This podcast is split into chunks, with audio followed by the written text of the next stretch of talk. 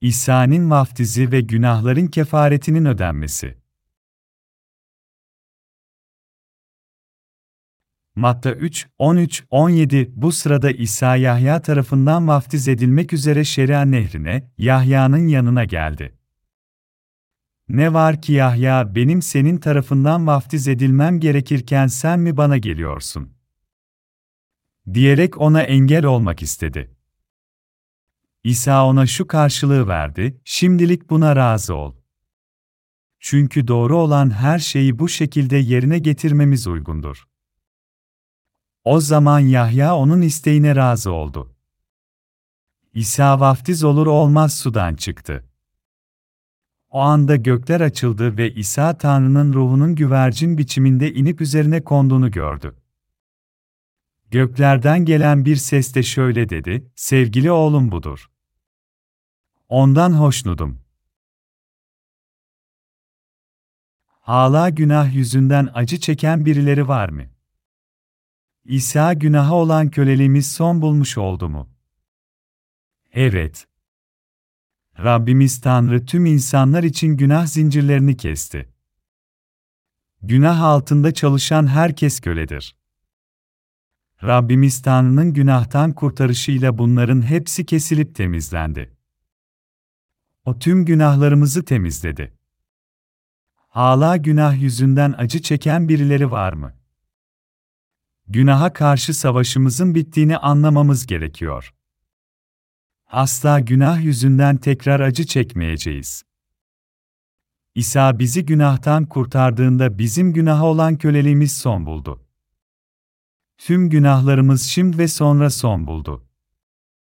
Tüm günahlarımızın bedeli olu tarafından ödendi. Tanrı bizi sonsuz dek özgür kılan İsa aracılığıyla günahlarımızın karşılığını ödedi. Günahları yüzünden kaç kişinin acı çektiğini biliyor musunuz? Ta Adem ve Havva'nın zamanından başlar. İnsanlık Adem'den miras aldığı günah yüzünden acı çekiyor. Fakat Tanrımız Tekvin 3.15'te yazılı olan bir antlaşma yaptı. Bu antlaşmaya göre o günahkarları kurtaracaktı. İnsanların su ve ruh yoluyla İsa Mesih'in kurbanı aracılığıyla günahlarından kurtarılacaklarını söyledi. Ve zamanı gelince kurtarıcımız İsa'yı aramızda yaşaması için gönderdi. İsa'nın önünden vaftizci Yahya'yı göndereceğine de söz vermişti ve sözünü tuttu. Markos 1, 1, 8'de okuyoruz. Tanrı'nın oğlu İsa Mesih ile ilgili müjdenin başlangıcı. İşe'ye peygamberin kitabında şöyle yazılmıştır, bak. Habercim senin önünden gönderiyorum. O senin yolunu hazırlayacak çölde yükselen ses, Rabbin yolunu hazırlayın geçeceği patikaları düzeltin, diyor. Böylece vaftizci Yahya çölde ortaya çıktı. İnsanları günahların bağışlanması için tövbe edip vaftiz olmaya çağırıyordu. Bütün Yahudiye halkı ve Kudüslülerin hepsi ona geliyor, günahlarını itiraf ediyor, onun tarafından Şeria nehrinde vaftiz ediliyordu. Yahya'nın deve tüyünden giysisi, belinde de deriden kuşağı vardı. Çekirge ve yaban balı yerdi. Şu haberi yayıyordu, benden sonra benden daha güçlü olan geliyor. Eğilip onun çarıklarının bağını bile çözmeye layık değilim. Ben sizi suyla vaftiz ettim ama o sizi kutsal ruhla vaftiz edecektir.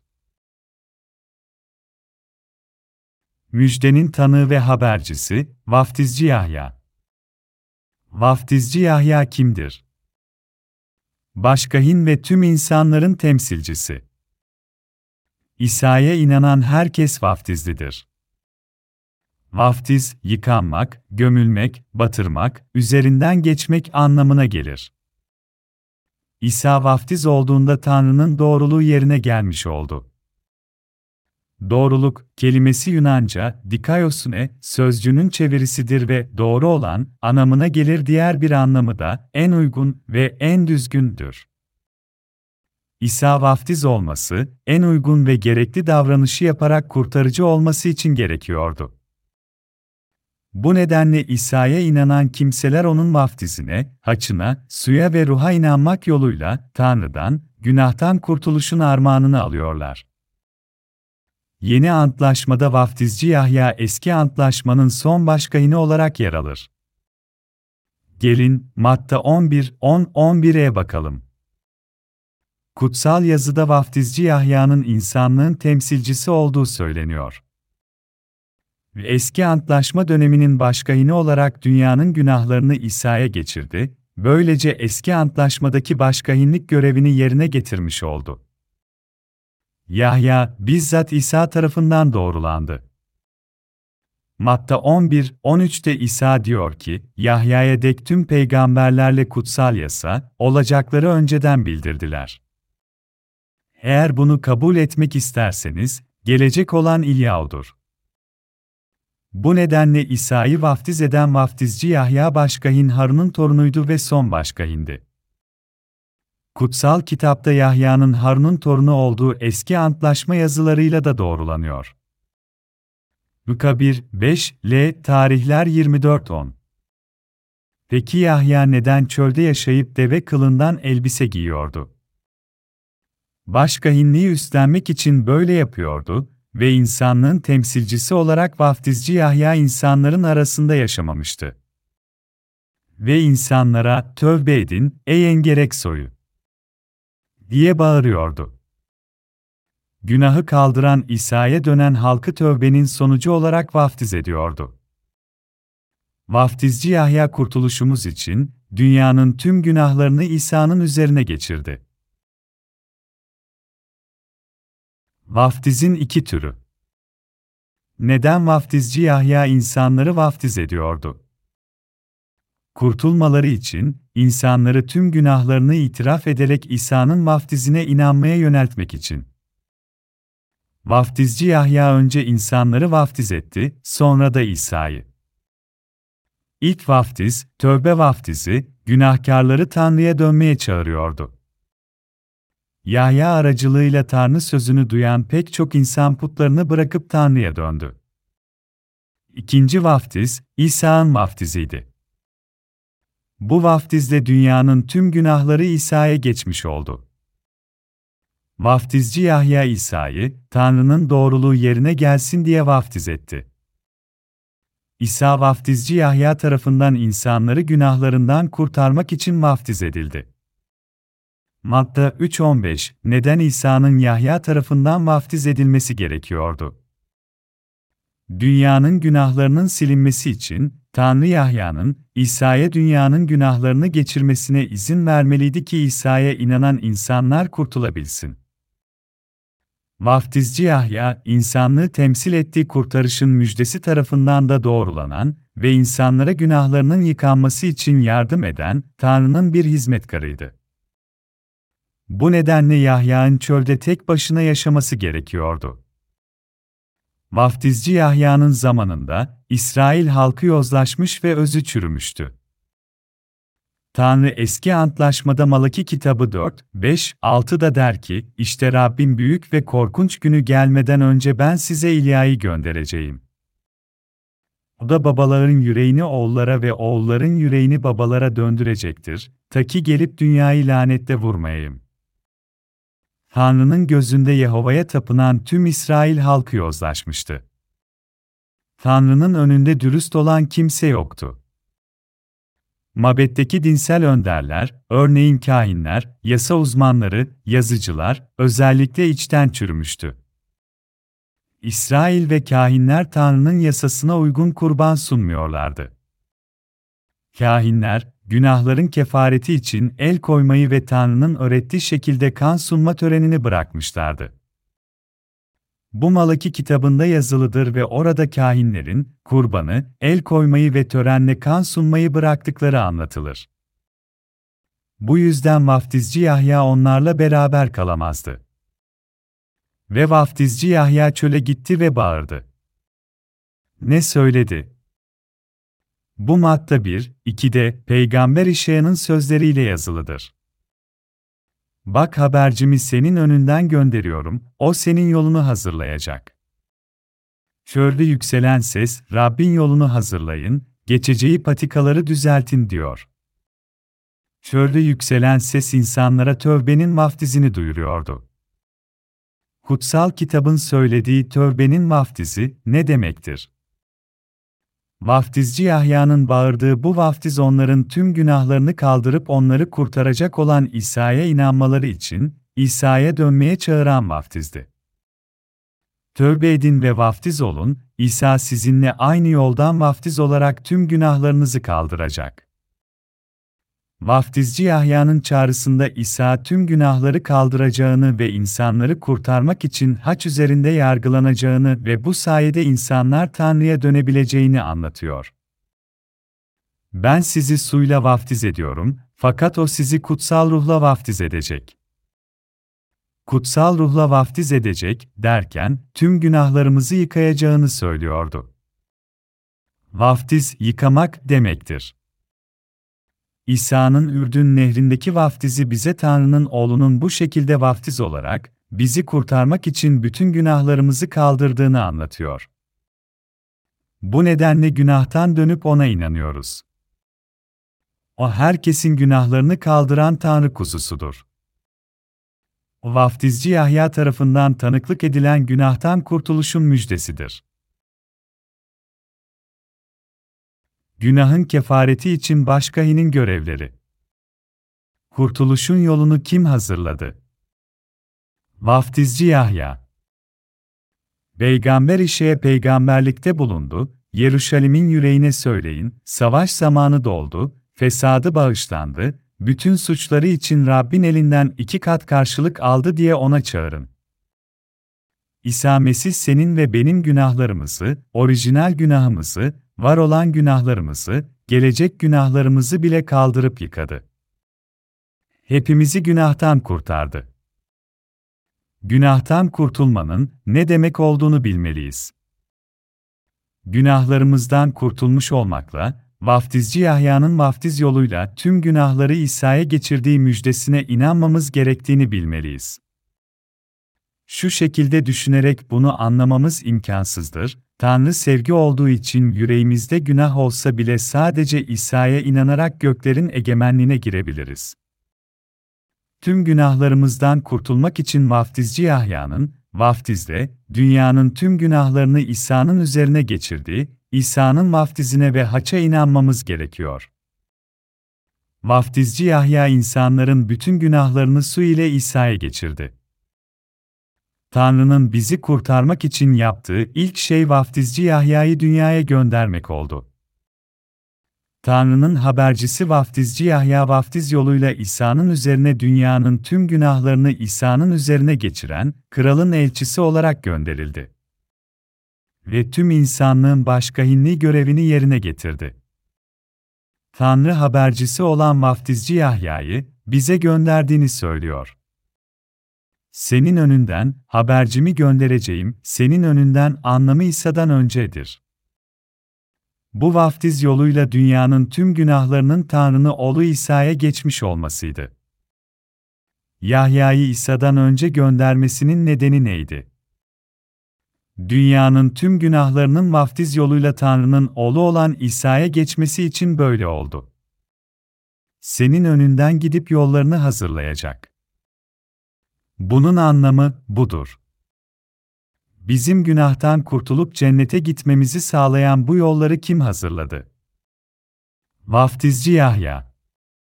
Sen sözcüğü İsa'yı, ben sözcüğü de Tanrı'nın kendisini gösteriyor. Bu durumda senden önce habercimi gönderiyorum, senin önünden yollarını hazırlaması için dediğinde bu ne anlama geliyor? Bizim günahtan kurtulup cennete gitmemizi sağlayan bu yolları kim hazırladı? Vaftizci Yahya bütün günahlarımızı İsa'nın üzerine geçirdi. Böylece İsa'nın bizim için tüm günahlarımızı yıkadığına inanabiliriz. Onun görevi İsa'yı vaftiz ederek günahlarımızın onun üzerine geçmesini sağlamaktı. İsa ve Yahya bu gerçeğe inanıp kurtulabilmemiz için bunu mümkün kıldı. Bizim kurtuluşumuz neye bağlıdır? Tanrı'nın oğlu İsa'nın yaptıklarına ve Tanrı'nın habercisinin dünyanın tüm günahlarını, onun üzerine geçirdiği gerçeğine inanıp inanmamamıza bağlıdır. Bilmemiz gereken şey günahlarımızın bağışlanmasının müjdesidir. Baba olan Tanrı ilk önce oğlunu vaftiz edecek olan habercisini gönderdi ve onu insanlığın temsilcisi yaptı. Böylece bizim günahtan kurtulmamız için gereken işleri yerine getirmiş oldu. Tanrı, hizmetkarı olan vaftizci Yahya'yı, oğlunu vaftiz etmesi için yolladı. Böylece oğul inananların tümü için kurtuluş yollarını hazırladı. İsa'nın vaftiz olmasının nedenidir. İsa'nın vaftizci Yahya tarafından vaftizi, insanların bütün günahlarının İsa'nın üzerine geçmesi yoluyla günahtan kurtuluştur.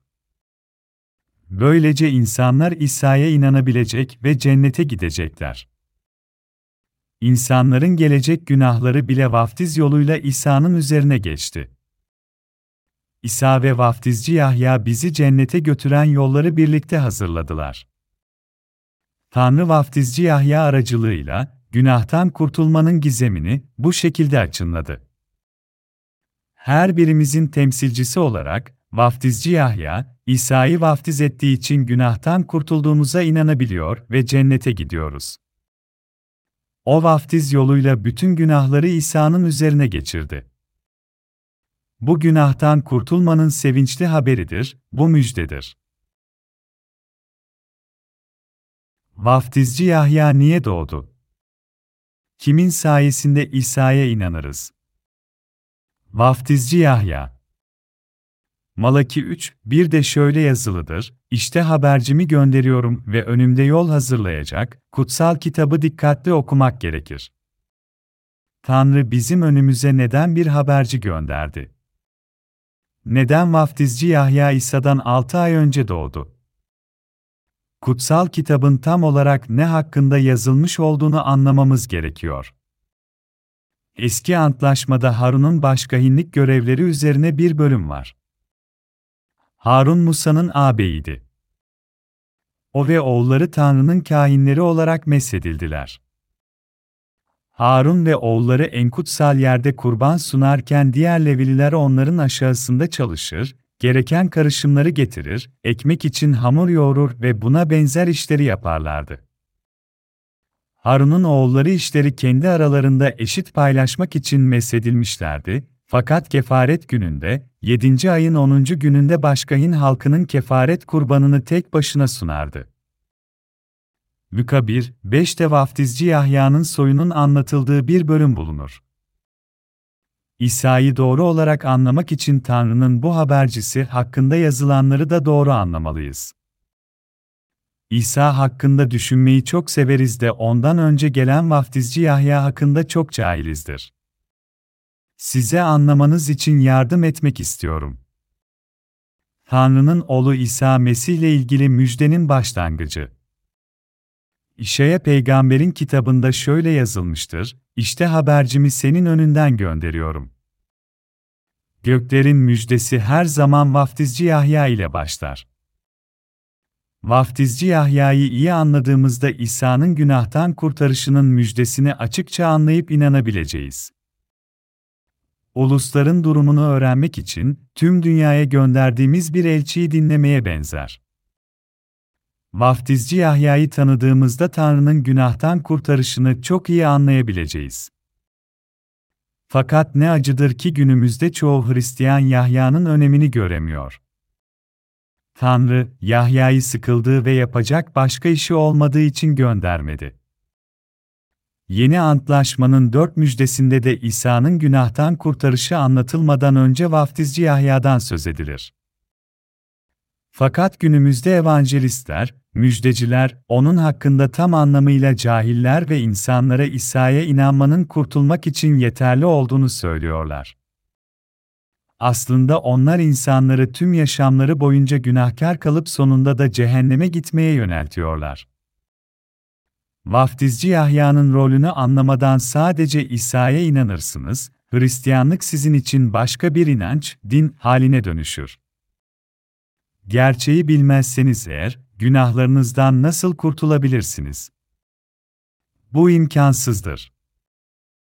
Günahtan kurtulmanın müjdesi ne basittir ne de kolaydır. Çoğu insan günahtan kurtuluşun haça inanmakla olacağını çünkü İsa'nın bizim için haçta öldüğünü düşünür. Fakat günahların onun üzerine geçtiği gerçeğini bilmeden haça gerilmeye inanırsanız günahtan kurtuluşu sağlayacak bir iman bulamazsınız. Tanrı vaftizci Yahya'yı dünyanın günahtan kurtulmanın nasıl başarıldığını ve İsa'nın dünyanın günahlarını nasıl üzerine aldığını anlamamız için gönderdi. Sadece Tanrı'nın oğlu olan İsa'nın tüm günahları üzerine aldığını anlayarak gerçeği bilebiliriz. Vaftizci Yahya bize günahtan kurtulmanın gerçeğini anlatıyor. Bize İsa'nın ilahiliğini nasıl doğruladığını anlatıyor. Dünyamıza ışık gelmeden önce insanların onu kabul edemeyeceğini anlatıyor. Ayrıca Yuhanna bir de İsa'yı vaftiz ederek kurtarışın müjdesinin hazırlayıcısı olduğunu anlatıyor. Günahtan kurtuluş hakkında vaftizci Yahya'nın tanıklığı olmadan İsa'ya nasıl inanabilirdik? İsa'yı hiç görmedik, hepimiz değişik kültürlerden ve dinlerden geliyoruz. Peki nasıl oluyor da Yehova'ya inanıyoruz? Tüm yeryüzünde bir sürü değişik inanışlar varken nasıl İsa Mesih'i tanıyabilirdik? İsa'nın dünyanın tüm günahlarını üzerine alarak bizi günahlarımızdan kurtaran Tanrı'nın oğlu olduğunu nasıl bilebiliriz? Bu nedenle günahtan kurtarma sözünün başlangıcını bulmak ve İsa'nın kurtarıcımız olduğunu önceden bilmek için eski antlaşmaya bakmalıyız. Doğru olarak inanmak için doğru bilgiyi elde etmeliyiz. Bilmeden hiçbir şey yapamayız. İsa'ya inanmak ve kurtulmak için vaftizci Yahya'nın da bir rol aldığı ve tanıklık ettiği, günahtan kurtulmanın müjdesini bilmemiz gerekiyor. İsa'da tam imana sahip olmak için günahtan kurtuluş hakkında her şeyi bilmeliyiz. İsa bu yüzden dedi, gerçeği bileceksiniz ve gerçek de sizi özgür kılacak. İsa'da günahlarımızdan kurtulmak için gerçeği bilmemiz gerekiyor. Kutsal Kitabın Kanıtları Dört müjdenin başlangıç noktası nedir? Vaftizci Yahya'nın gelişidir. Gelin, kutsal kitaptan günahtan kurtuluşun kanıtlarını keşfe çıkalım. Dört müjdede vaftizci Yahya'nın kim olduğu, neden insanlığın temsilcisi diye adlandırıldığı, neden son başkahin oldu, onun sayesinde dünyanın bütün günahlarının nasıl İsa'nın üzerine geçtiği ve İsa günahları üzerine almasaydı gibi sorular için ne gibi cevapların bulunduğunu keşfedelim. Dört müjdede vaftizci Yahya ile başlar. Yuhanna 1, 6 bize müjdenin en önemli faktörünü söyler. Burada bize dünyanın tüm günahlarının İsa'nın üzerine geçirme başarısını kimin gerçekleştirdiği söylenir. Tanrı'nın gönderdiği Yahya adında bir adam ortaya çıktı. O tanıklık için, ışığa tanıklık etsin ve herkes onun aracılığıyla iman etsin diye geldi. Burada onun aracılığıyla iman etsin deniyor. Işığa tanıklık etmek için gelmişti. Şık, İsa Mesih'tir. Bunun anlamı vaftizci Yahya'nın, İsa'ya tanıklığı sayesinde onun aracılığıyla herkes iman edebilir. Gelin şimdi Matta'yı biraz yakından inceleyelim. Matta 3, 13, 17'yi okuyacağız. Bu sırada İsa Yahya tarafından vaftiz edilmek üzere Celile'den Şeria nehrine, Yahya'nın yanına geldi. Ne var ki Yahya, benim senin tarafından vaftiz edilmem gerekir, diyerek ona engel olmak istedi. İsa ona şu karşılığı verdi, şimdilik buna razı ol. Çünkü doğru ola her şeyi bu şekilde yerine getirmemiz uygundur. O zaman Yahya onun isteğine razı oldu. İsa vaftiz olur olmaz sudan çıktı. O anda gökler açıldı ve İsa Tanrı'nın ruhunun güvercin şeklinde inip üzerine konduğunu gördü. Göklerden gelen bir ses de şöyle dedi, sevgili oğlum budur, ondan hoşnudum. Neden Yahya'nın soyunu anlamamız gerekiyor? Çünkü kutsal kitap bize Yahya'nın tüm insanların başkahini olduğunu söylüyor.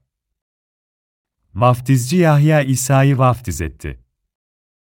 Luka 1, 7, 8'de İsa Mesih'in Yahya tarafından vaftiz edilmek yoluyla tüm günahların kurtarışını gerçekleştirdiği yazılıdır. Şimdi kitaba bakalım.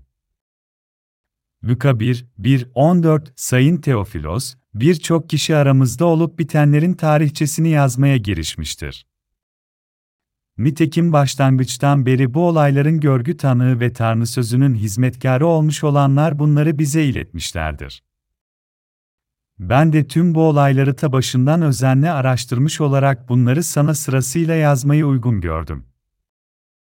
Öyle ki sana verilen bilgilerin doğruluğunu bilesin. Yahudiye kralı Hirodes zamanında, Abiye bölünden Zekeriya adında bir peygamber vardı. Harun'un soyundan olan karısının adı ise Elizabeth'ti. Her ikisi de Tanrı'nın gözünde doğru kişilerdi. Rabbin tüm buyruk ve kurallarına eksiksizce uyarlardı. Elizabeth kısır olduğu için çocukları olmuyordu. Her ikisinin de yaşı ilerlemişti.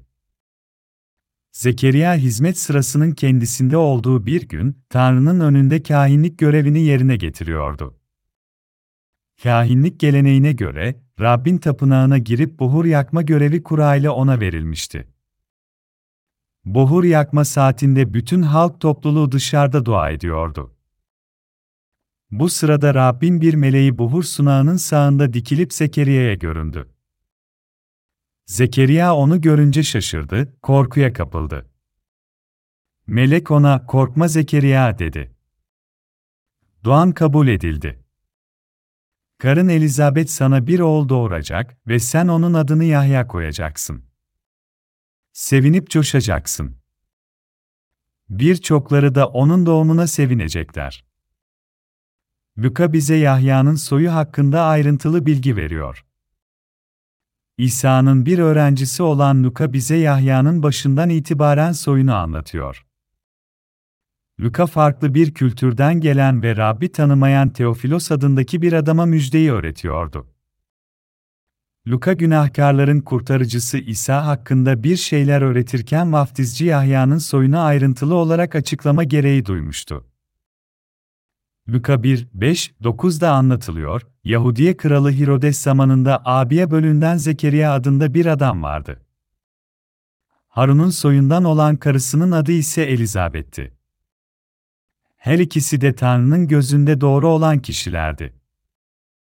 Rabbin tüm buyruklarına ve kurallarına eksiksizce uyarlardı. Elizabeth kısır olduğu için çocukları olmuyordu. Her ikisinin de yaşı ilerlemişti.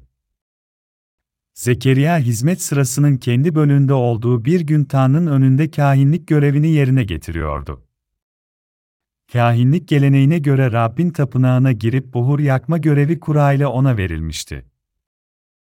Burada Zekeriya kahinlik geleneğine göre Tanrı'ya hizmet ederken bir olay meydana geliyor. Ve Luka, Zekeriya'nın Harun'un torunu olduğunu doğruluyor. Zekeriya hangi bölüye aitti? Bu çok önemli bir noktadır. Açıklıyor, Zekeriya hizmet sırasının kendi bölümünde olduğu bir gün Tanrı'nın önünde kahinlik görevini yerine getiriyordu.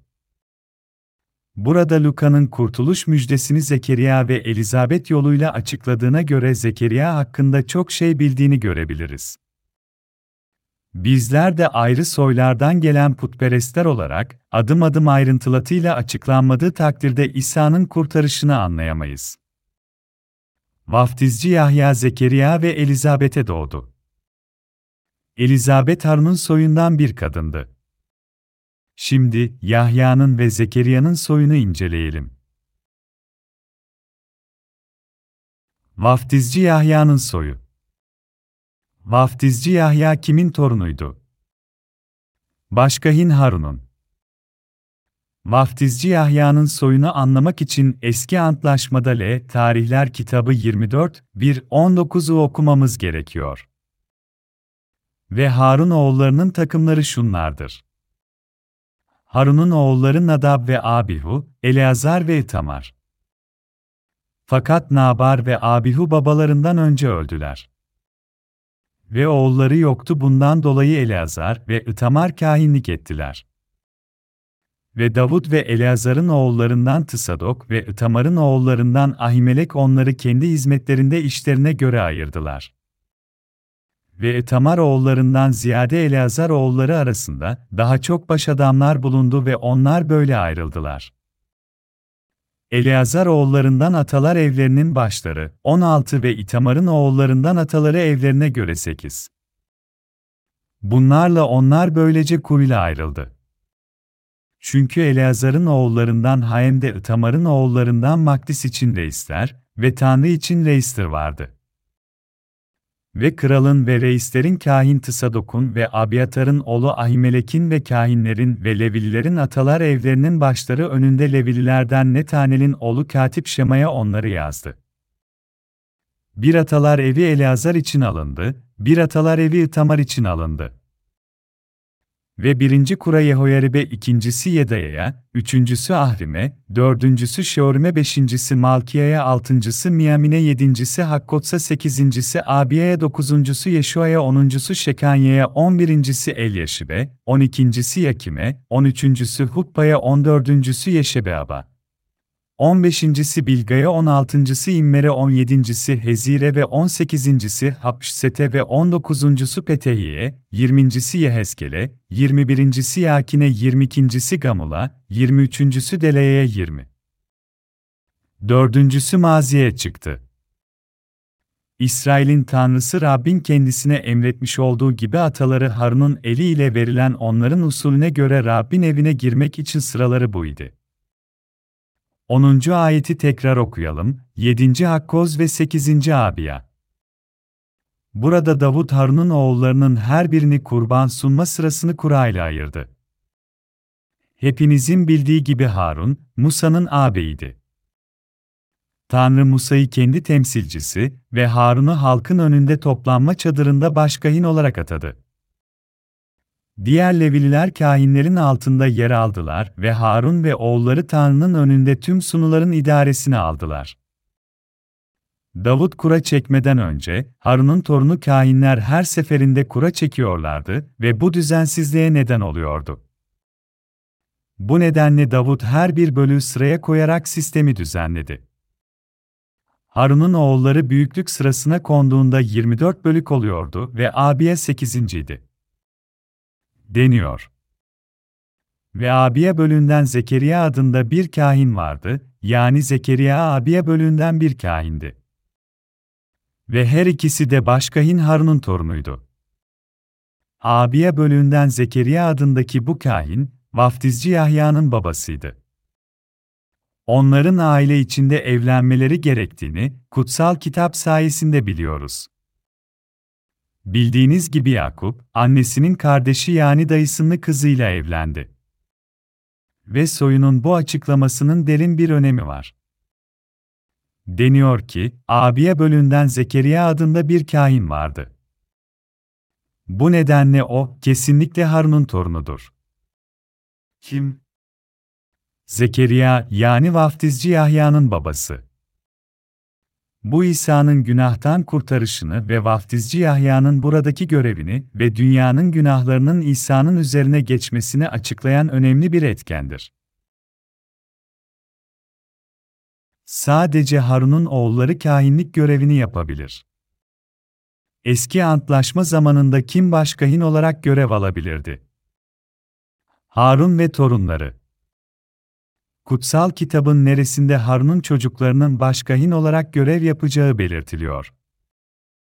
Taba bakalım, sayılar 20, 22, 29 ve Kadeş'ten göç ettiler ve İsrail oğulları, bütün cemaat, Hor Dağı'na geldiler. Ve Rab diyarı sınırı yanında Hotır Dağı'nda Musa ile Harun'a söyleyip dedi, Harun kavmına katılacak çünkü Meriba sularında sözüme karşı isyan ettiğiniz için İsrail oğullarına verdiğim diyara girmeyecektir. Harun'u ve oğlu Eleazar'ı al ve onları Hor Dağı'na götür. Ve Harun'un esvabını çıkar ve onları oğlu Eleazar'a giydir. Ve Harun kavmına katılacak ve orada ölecektir. Ve Musa Rabbin emrettiği gibi yaptı. Ve bütün kavmin gözü önünde Hor Dağı'na çıktılar ve Musa Harun'un esvabını çıkardı ve onları oğlu Eleazar'a giydirdi ve Harun orada dağın tepesinde öldü ve Musa ile Eleazar dağdan indiler ve Harun'un ölmüş olduğunu bütün cemaat görünce bütün İsrail evi 30 gün Harun'a aladılar.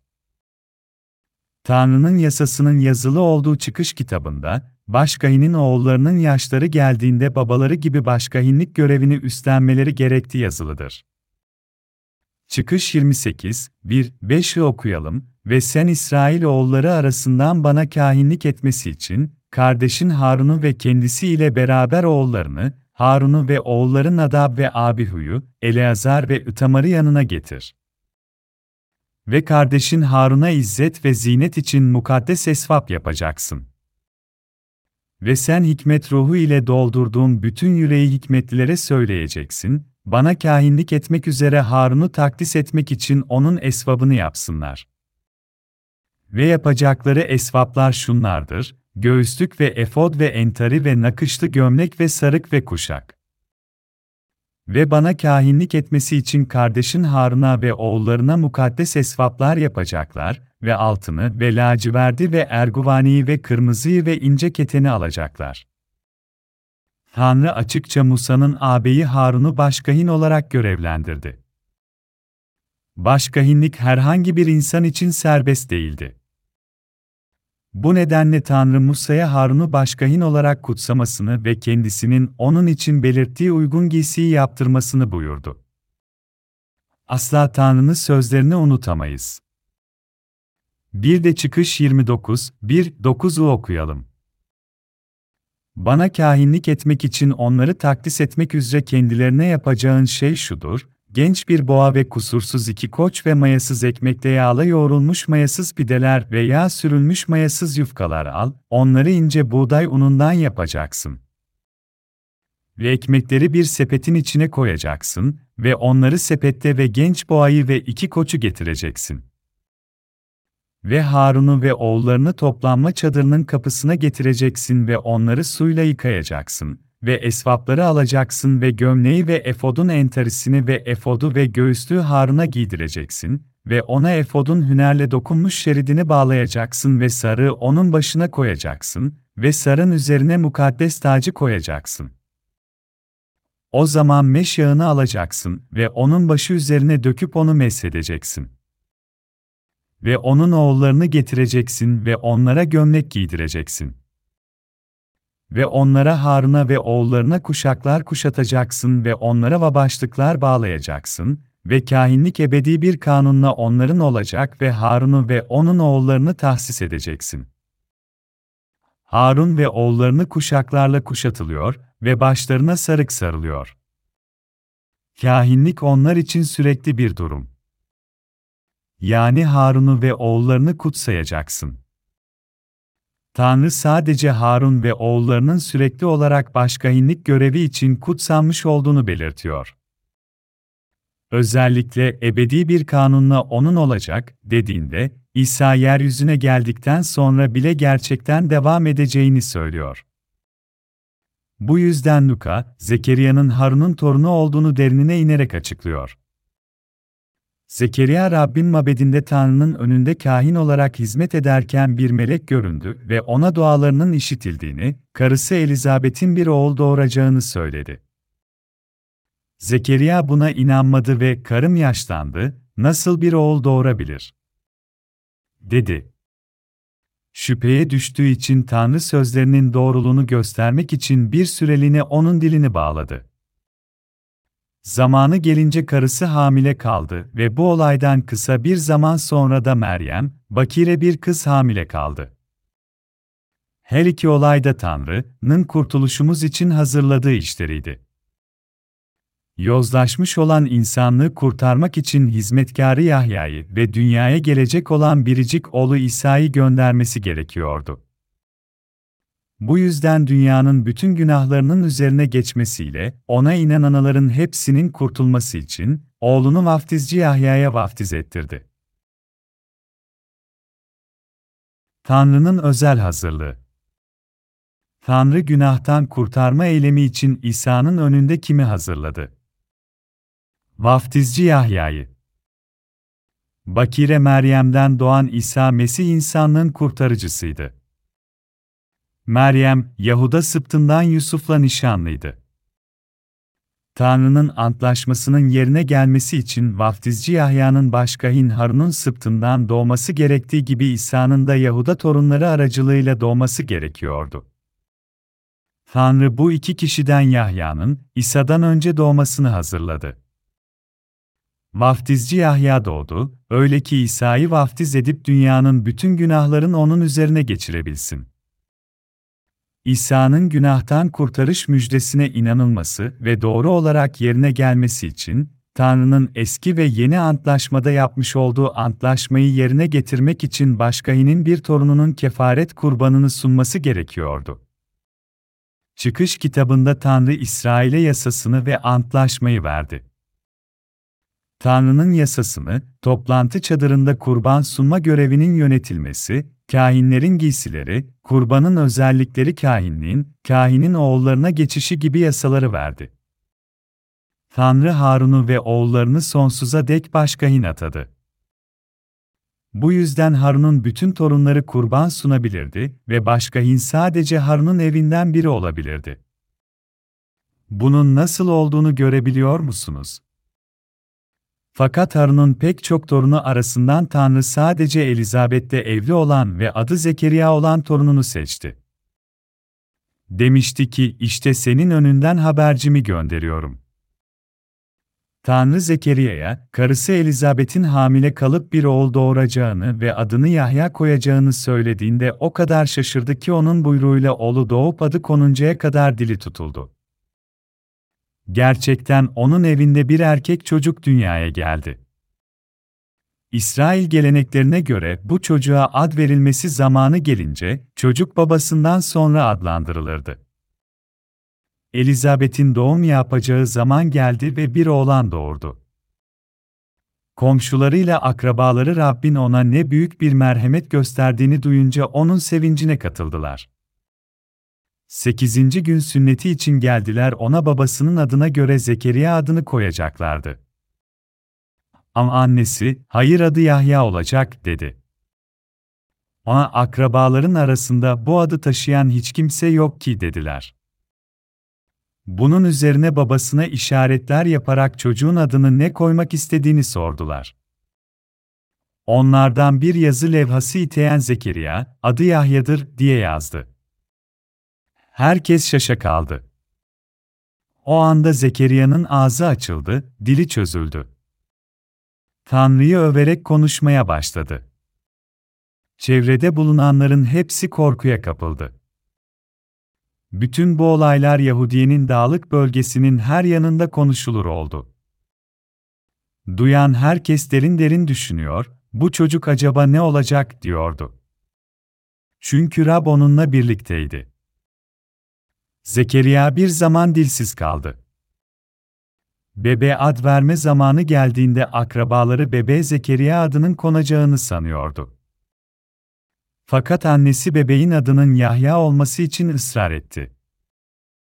Fakat akrabalar, ailede bu adda kimse olmadığı için bebe babasının adının verilmesi gerektiğini söylüyorlardı.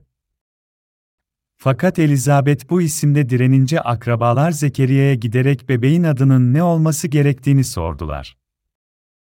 Zekeriya konuşamadığı için bir yazı levhası istedi ve Yahya yazdı. Bütün akrabalar bu alışılmadık isim seçimi yüzünden şaşırdılar. Fakat bebe isim verildikten sonra Zekeriya'nın dili hemen çözüldü. Tanrı'yı överek konuşmaya başladı ve kutsal ruhla dolarak peygamberlikte bulunmaya başladı. Luka bize vaftizci Yahya'nın doğumunu Zekeriya'nın evinden anlatıyor. Abiye bölüğünden Zekeriya adında bir kahin vardı. Tanrı'nın özel hazırlamasıyla, insanlığın temsilcisi vaftizci Yahya, Harun'un torunu olan Zekeriya'nın oğlu olarak doğdu. Tanrı vaftizci Yahya ve İsa Mesih aracılığıyla insanlığın kurtuluşunu başarıyla tamamladı. İsa'nın vaftizi İsa neden Yahya tarafından vaftiz edildi? Dünyanın tüm günahlarını üzerine almak için. Vaftizci Yahya, İsa'nın Tanrı'nın oğlu olduğunu ve bütün günahlarımızı kaldırdığını doğruluyor. Bizim kurtuluşumuza tanıklık eden vaftizci Yahya, Tanrı'nın hizmetkarıdır. Bu Tanrı'nın kendisinin bize, bizim kurtarıcımız olduğunu söylemediği anlamına gelmiyor. Tanrı kurtulmuş olan tüm halkının ağzından ve kilisedeki hizmetkarları aracılığıyla konuşur. Tanrı diyor ki, ot kurur, çiçek solar, fakat Rabbin sözü ebediyen kalır. Yeruşalim'in yüreğine söyleyin, savaş zamanı doldu, fesadı bağışlandı, bütün suçları için Rabbin elinden iki kat karşılık aldı, diye ona söyleyin. İşeye 42, 8 artık daha fazla günahkar olmayacaksınız. Tüm günahlarınızın kefaretini ödedim ve savaş sona erdi. Bize seslenmeye devam eden, günahtan kurtuluşun müjdesinin sesidir. Bu hazırlanmış olan müjdenin ne olduğunun açıklanmasıdır. Vaftizci Yahya'nın işlerini anladığımızda, Vaftizci Yahya aracılığıyla, dünyanın tüm günahının İsa Mesih'in üzerine geçtiğini gerçekten anladığımızda, günahlarımızın tamamından kurtulabiliriz. Dört müjdede de Vaftizci Yahya anlatılır. Eski Antlaşmanın son peygamberi de Tanrı'nın hizmetkarı olan Vaftizci Yahya'ya tanıklık ediyor. Vaftizci Yahya'nın doğumuyla yeni antlaşma başlar ve ve günahların İsa'nın üzerine geçmesi onun aracılığıyla olur. Neden onu Vaftizci Yahya diye adlandırıyoruz? O İsa'yı vaftiz etmiş olduğu için ona bu ad verildi. Vaftiz kelimesinin anlamı nedir? Eski antlaşmada üzerine el koymak kelimesiyle aynı anlamda olan üzerine geçmek, gömülmek, yıkanmak anlamlarını kapsar. Eski antlaşmada bir insan günah işlediğinde, ellerini lekesiz günah sunusunun üzerine uzatarak günahlarının onun başı üzerine geçirirdi ve kurban bu günahlarla beraber ölürdü. Ellerini üzerine koymak, üzerine geçirmek demekti. Bu nedenle elini üzerine koymak ve vaftiz aynı şeyi anlatan iki farklı kelimedir. Peki İsa'nın vaftizi ne anlama geliyor? Onun vaftizi Tanrı'nın belirlediği tek kefaret ödeme yoludur. Eski antlaşmada günah işleyenler günahlarını üzerine geçirmek için kurbanın başı üzerine ellerini koymak zorundaydılar. Daha sonra kurbanın boğazını kesmeleri ve yakılan kurban kanını sunağın köşelerine sürmeleri için kurbanı kahinlere götürmeleri gerekiyordu. Bu günlük günahların kefaretini ödeme yoluydu. Yıllık günahların kefareti nasıl ödeniyordu peki? Harun, tüm İsrail halkı için kurban sunardı. Vaftizci Yahya, Harun'un evinden doğduğu için onun başkayın olması uygundu. Tanrı vaat kurtarış planına göre onun başkahin olmasını öngördü. İsa Mesih doğduğunda eski antlaşma sona erdiği için Vaftizci Yahya tüm insanlığın temsilcisi ve tüm insanlığın başkahiniydi. Vaftizci Yahya'dan başka kim, eski antlaşmada Harun'un halkının günahları için kefaret kurbanı sunduğu gibi, yeni antlaşmada tüm dünyanın günahlarını İsa'nın üzerine geçirebilirdi. Eski antlaşmanın son başkahini ve tüm insanların temsilcisi olarak, Vaftizci Yahya, İsa'ya, vaftiziyle tüm dünyanın günahlarını geçirdi.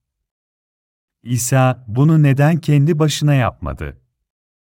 Neden vaftizci Yahya'ya ihtiyacı vardı? Vaftizci Yahya İsa'dan 6 ay büyüktür. Bu eski antlaşmanın yasasının yerine gelmesidir. Bu eski antlaşmanın kusursuz olmasıdır. İsa Bakire Meryem'den doğdu, vaftizci Yahya, Elizabet adındaki yaşlı bir kadından. Bunlar Tanrı'nın işleridir. Tanrı bunları insanları kurtarmak için planladı. Bizi günahla savaşmaktan ve insanlığın günah dolu acılarından kurtarmak için hizmetkarı Yahya'yı ve kendi oğlu İsa'yı gönderdi. Vaftizci Yahya, son başkahin, insanlığın temsilcisi olarak gönderildi.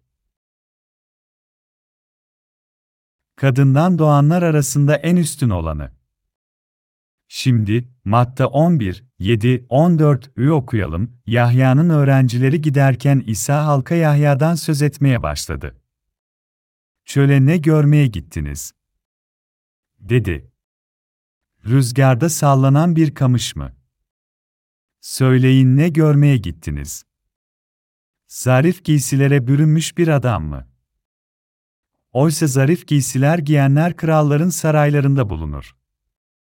Öyleyse ne görmeye gittiniz? Bir peygamber mi? Evet. Size şunu söyleyeyim, gördüğünüz kişi bir peygamberden de üstündür. Bak habercimi senin önünden gönderiyorum. O senin önünden gidiyor yollarını hazırlayacak, diye yazılmış olan sözler onunla ilgilidir. Size doğrusunu söyleyeyim, kadından doğanlar arasında vaftizci Yahya'dan daha üstün olanı ortaya çıkmamıştır. Bununla birlikte göklerin egemenliğinde en küçük olan ondan üstündür. Vaftizci Yahya'nın o günlerden bu yana göklerin egemenliği zorlu bir biçimde gelişiyor, zorlu kişiler de onu ele geçirmeye çalışıyor. Yahya'ya dek tüm peygamberlerle kutsal yasa olacakları önceden bildirdiler. Eğer bunu kabul etmek isterseniz gelecek olan İlya'odur. İnsanlar çöle ey engerek soyu. Tövbe edin bir diye bağıran Yahya'yı görmeye gitmişlerdi. Ve İsa dedi, fakat ne görmeye gittiniz? Zarif giysiler giymiş bir adam mı? Oysa zarif giysiler giyenler kralların saraylarında bulunur. İsa'nın kendisi Yahya'nın en üstün olduğunu doğruluyor. Ne görmeye gittiniz? Deve kılından giysi giyen ve ciğerlerinin yettince bağıran vahşi bir adam mı? Deve kılından giysi giymeliydi. Ne görmeye gittiniz? Zarif giysiler giymiş bir adam mı? Oysa zarif giysiler giyenler kralların saraylarında bulunur. Fakat o kraldan üstündür. İsa buna böyle tanıklık ediyor. Oysa zarif giysiler giyenler kralların sarılarında bulunur. Ne görmeye gittiniz? Bir peygamber mi? Evet, size doğrusunu söyleyeyim, gördüğünüz kişi bir peygamberden de üstünüdür. Eski günlerde peygamberler krallardan üstündü. Anlıyor musunuz? Fakat vaftizci Yahya bir kraldan da bir peygamberden de üstündü. O eski antlaşma peygamberlerinden daha üstündü. Gerçekte, son başkahin ve tüm insanlığın temsilcisi olan vaftizci Yahya ilk başkahin olan Harun'dan daha üstündü. Yahya'ya İsa'nın kendisi tanıklık ediyor. İnsanlığın temsilcisi kimdir? İsa'nın dışında yeryüzündeki en üstün insan kimdir? Vaftizci Yahya. Size şunu söyleyeyim, gördüğünüz kişi bir peygamberden de üstündür. Bak habercimi senin önünden gönderiyorum, o önden gidip senin yolların hazırlayacak. Vaftizci Yahya, günaha karşı savaşın sona erdiğine tanıklık ediyor. İşte dünyanın günahlarını kaldıran Tanrı kuzusu. İsa'nın, dünyanın günahlarını kaldıracağına tanıklık eden kişi, vaftizci Yahya'ydı.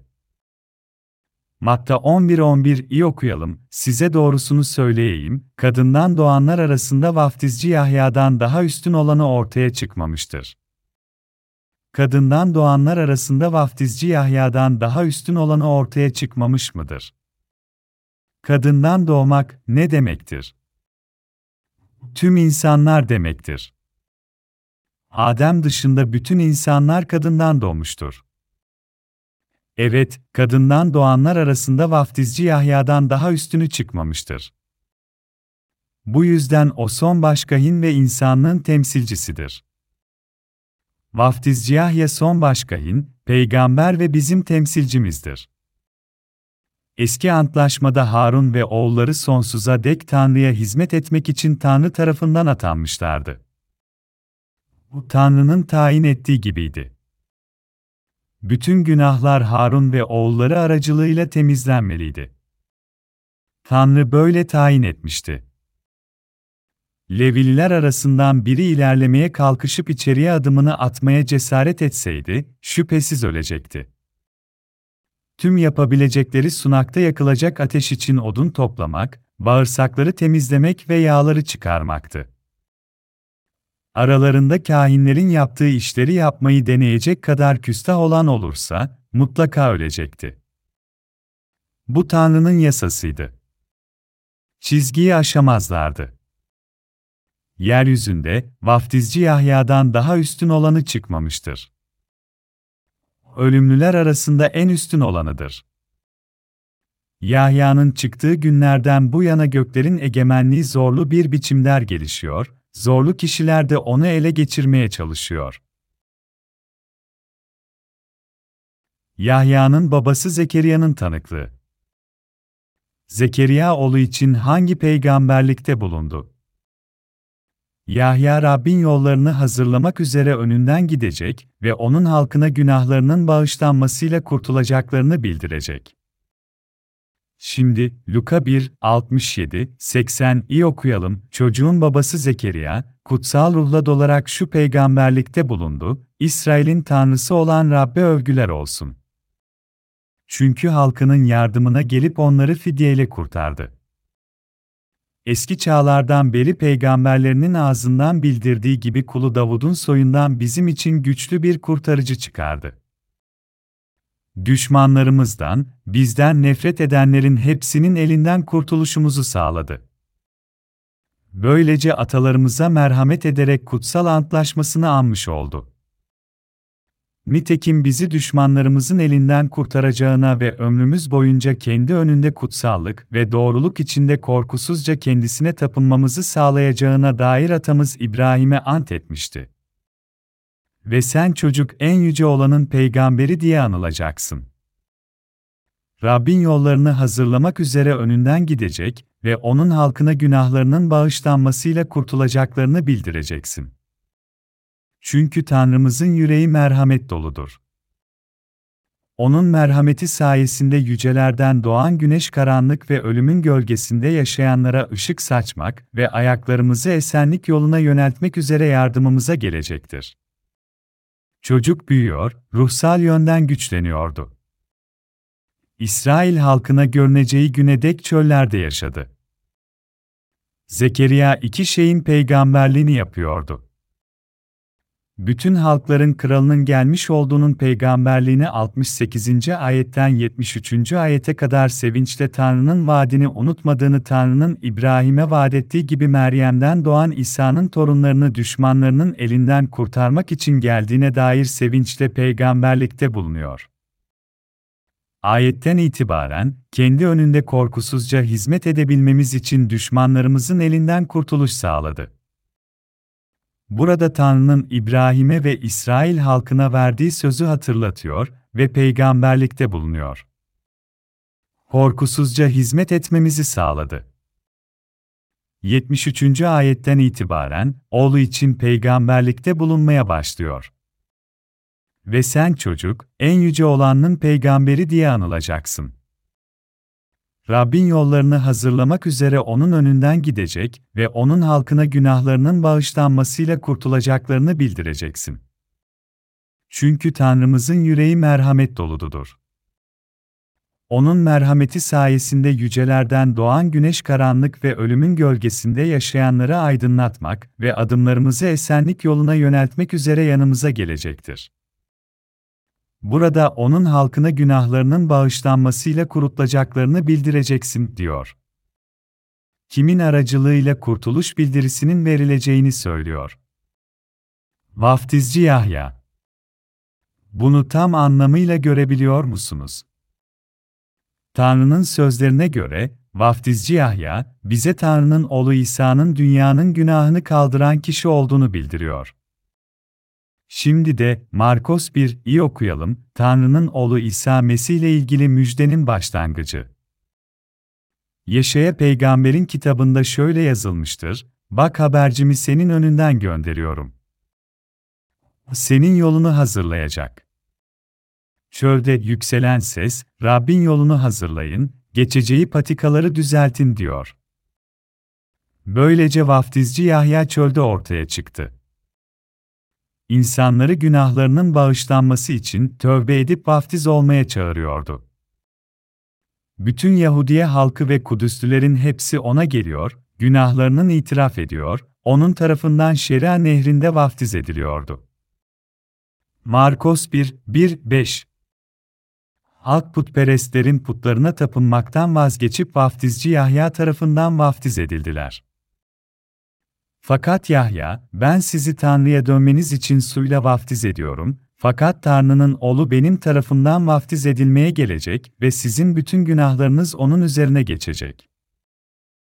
Eğer benim tarafından vaftiz edilirken, günahlarınızın eski antlaşmada, el koymayla, kurbanın üzerine geçtiğine inandığınız gibi, buna da inanırsanız günahlarınız onun üzerine geçecek, diyordu. Bu Yahya'nın tanıklığıdır. İsa'nın Ürdün nehrinde vaftiz edilmesi demek gerçekte, onun ölüm nehrinde vaftiz edilmesi demekti. Çok yakında sessizce şu güzel sahilde buluşacağız. Şu güzel sahilde buluşacağız, öldüğümüzde Ürdün nehrini geçeceğiz. Ürdün nehri ölüm nehridir. İsa ölüm nehrinde vaftiz oldu. Vaftiz günahların üzerine geçmesidir. Yeni antlaşmadaki el koyma nedir? İsa'nın vaftizidir. Matta 3, 13, 17'de okuyalım. Bu sırada İsa Yahya tarafından vaftiz edilmek üzere Celile'den Şeria nehrine, Yahya'nın yanına geldi. Ne var ki Yahya benim senin tarafından vaftiz edilmem gerekirken, sen mi bana geliyorsun?'' Diye ona engel olmak istedi. İsa ona şu karşılığı verdi, şimdilik buna razı ol.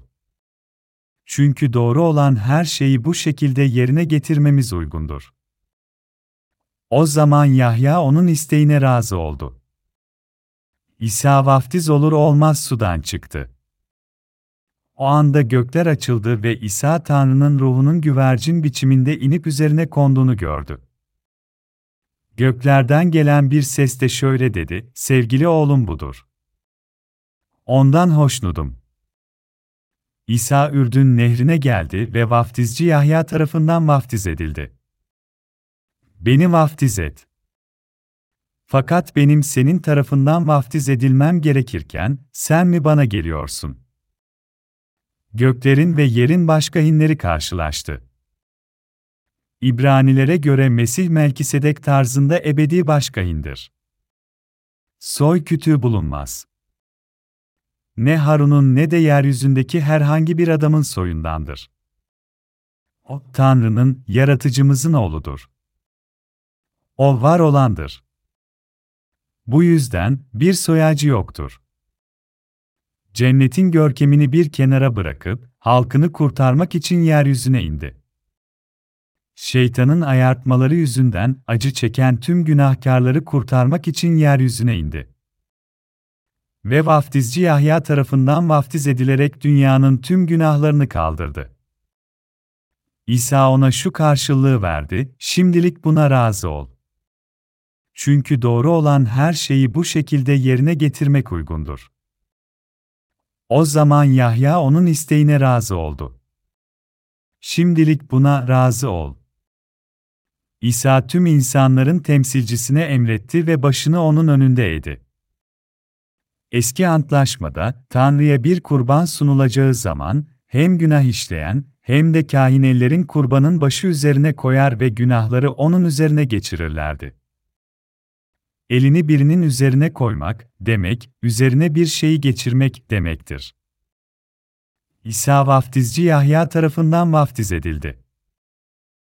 Üzerine el konduğunda bunun anlamı eski antlaşmadaki el koyma ile aynıydı. Üzerine geçirmek, gömülmek, yıkanmak ve kurban etmek hepsi aynı anlama gelir. Eski antlaşma, yeni antlaşmanın gölgesiyken, yeni antlaşma gerçektir. Eski antlaşmada günah işlemiş bir adam, elini kuzunun üzerine uzattığında günahları kuzunun üzerine geçer ve kuzu ölürdü. Kuzu ölünce gömülürdü. Birinin günahı, elini kuzuya koyduğu zaman kuzuya geçti, böylece kuzu öldüğünde günahla ölürdü. Günah kuzuya geçtiğinde kuzuyu getiren günahsız oluyor muydu? Bu mendilin günah olduğunu söyleyelim ve mikrofon da kuzu olsun. Ellerimi mikrofona koyunda bu günah mikrofona, yani kuzuya geçiyor. Tanrı'nın kendisi böyle olmasına karar verdi, ellerini üzerine koy. Günahın bedelinin ödenmiş olması için el koymak gerekir. Bundan sonra günahsız olunur. İsa'nın vaftizi, yıkanmak, gömülmek ve günahları onun üzerine geçirmek içindi. Bunun tam anlamı budur. İsa, dünyanın tüm günahlarını üzerine almak için vaftiz olduğunda, gerçekten günahların hepsi onun üzerine geçti mi? Dünyanın tüm günahları üzerine geçti ve bütün insanlar günahtan kurtuldular. Eski antlaşmada anlatılan, günahın kurban üzerine geçirilmesiyle aynı şeydir.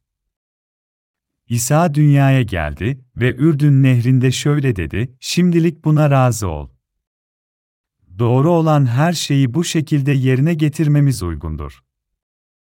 Matta 3.15 Doğru olanı yerine getirmek ne demektir? Günahların İsa'nın üzerine geçmesiyle bütün günahların yıkanması demektir. Sonra Yahya onun isteğine razı oldu.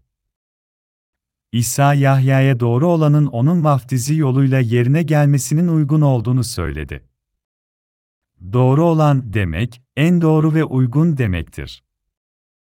Böylece demek, doğru olanı yerine getirmek için onlar uygun kişilerdi. O Yahya'nın İsa'yı vaftiz etmesinin ve İsa'nın Yahya tarafından vaftiz edilmesinin ve böylece bütün günahların onun üzerine geçmesinin doğru olduğu anlamına geliyor. Tanrı günahtan kurtuluşu, İsa'nın vaftizi, kurban edilmesi ve bizim iman etmemiz temeli üzerinde sundu. Tüm insanlar günah yüzünden acı çekiyor ve yine günahları yüzünden şeytan tarafından eziyet altındalar. Harun'un torunu, tüm insanların temsilcisi, onların kurtuluşu ve cennete gönderilmeleri için, tüm insanlar için beni vaftiz etmelisin. Senin tarafından vaftiz edileceğim. Böylece kurtarma işi tamamlanacak. Anladım. Ve Yahya İsa'yı vaftiz etti. Ellerini İsa'nın başı üzerine koydu ve tüm dünyanın günahları İsa'nın üzerine geçti. İsa tüm günahları yıkayan kurtarıcıdır. Biz onun kurtarışına inanarak kurtuluruz. Buna inanıyor musunuz? Vaftizinden sonra, halkın temsilcisinin eliyle Ürdün nehrinde açıkça görevini yapmaya başladı, başının üstünde tüm dünyanın günahlarını taşıyarak üç buçuk yıl müjdeyi duyurarak dolaştı. Zine yaparken yakalanan kadına, ben de seni yargılamıyorum dedi. O yargılamadı, çünkü onun bütün günahlarını üzerine aldı ve onlar için haçta öldü. Getsemani bahçesinde dua ederken üç defa yalvararak bu kasenin kendisinden uzaklaştırılması için dua etti. Sonunda vazgeçip, benim değil, senin isteğin olsun dedi. İşte, dünyanın günahını kaldıran Tanrı'nın kuzusu. İsa ne kadar günahı kaldırabilir? Dünyanın bütün günahlarını. Yuhanna 1.29 Yahya ertesi gün İsa'nın kendisine doğru geldiğini görünce şöyle dedi, İşte dünyanın günahını ortadan kaldıran Tanrı kuzusu, vaftizci Yahya İsa'yı vaftiz etti. Ertesi gün İsa ona doğru gelirken, Yahya halka işte dünyanın günahını ortadan kaldıran Tanrı kuzusu dedi. Bu onun tanıklığıydı. Tanrı'nın oğlu yeryüzüne geldi ve dünyanın günahlarını ortadan kaldırdı. Vaftizci Yahya bunu tekrar doğruluyor. Yuhanna 1.35'te ertesi gün Yahya yine öğrencilerinden ikisi ile birlikteydi. Oradan geçmekte olan İsa'ya bakarak, işte Tanrı kuzusu, dedi. Tanrı'nın kuzusu demek eski antlaşmada İsrail'in günahları için kurban edilen tek ve gerçek varlık demektir. Senin ve benim için Tanrı'nın oğlu, yaratıcımız, dünyaya indi, günahlarımızı ortadan kaldırdı, yaratılıştan son güne dek olan günahlarımıza, orijinal günahtan, tüm kötülüklerimize, kusurlarımızdan, hatalarımıza kadar bütün günahları. Vaftiziyle ve haçtaki kanıyla hepimizi günahtan kurtardı. İsa bütün günahlarımızı ortadan kaldırdı ve bize günahtan kurtuluşu verdi. Bunu anlayabiliyor musunuz? Dünyanın günahını ortadan kaldıran Tanrı kuzusu, hangi yıldayız? Yaklaşık 2000 diyebiliriz. Bu demektir ki, İsa'nın dünyaya gelişinden bu yana 2000 yıl geçmiş. Ve MS 30 yılında İsa dünyanın bütün günahını ortadan kaldırdı. İsa'nın MS 1 yılında doğduğu söyleniyor, İsa'dan önceki zamana M diyoruz. Yani İsa'nın dünyaya gelişinden bu yana yaklaşık 2000 yıl geçmiş. Mise 30 yılında İsa vaftizci Yahya tarafından vaftiz edildi. Ve ertesi gün Yahya etrafındaki insanlara, işte dünyanın günahını kaldıran Tanrı kuzusu, diye bağırdı. İşte, insanlara, günahlarını kaldıran İsa'ya inanmalarını söylüyordu. İsa'nın bizi günahlarımızdan kurtaran tek kişi, Tanrı'nın kuzusu olduğunu söylüyordu.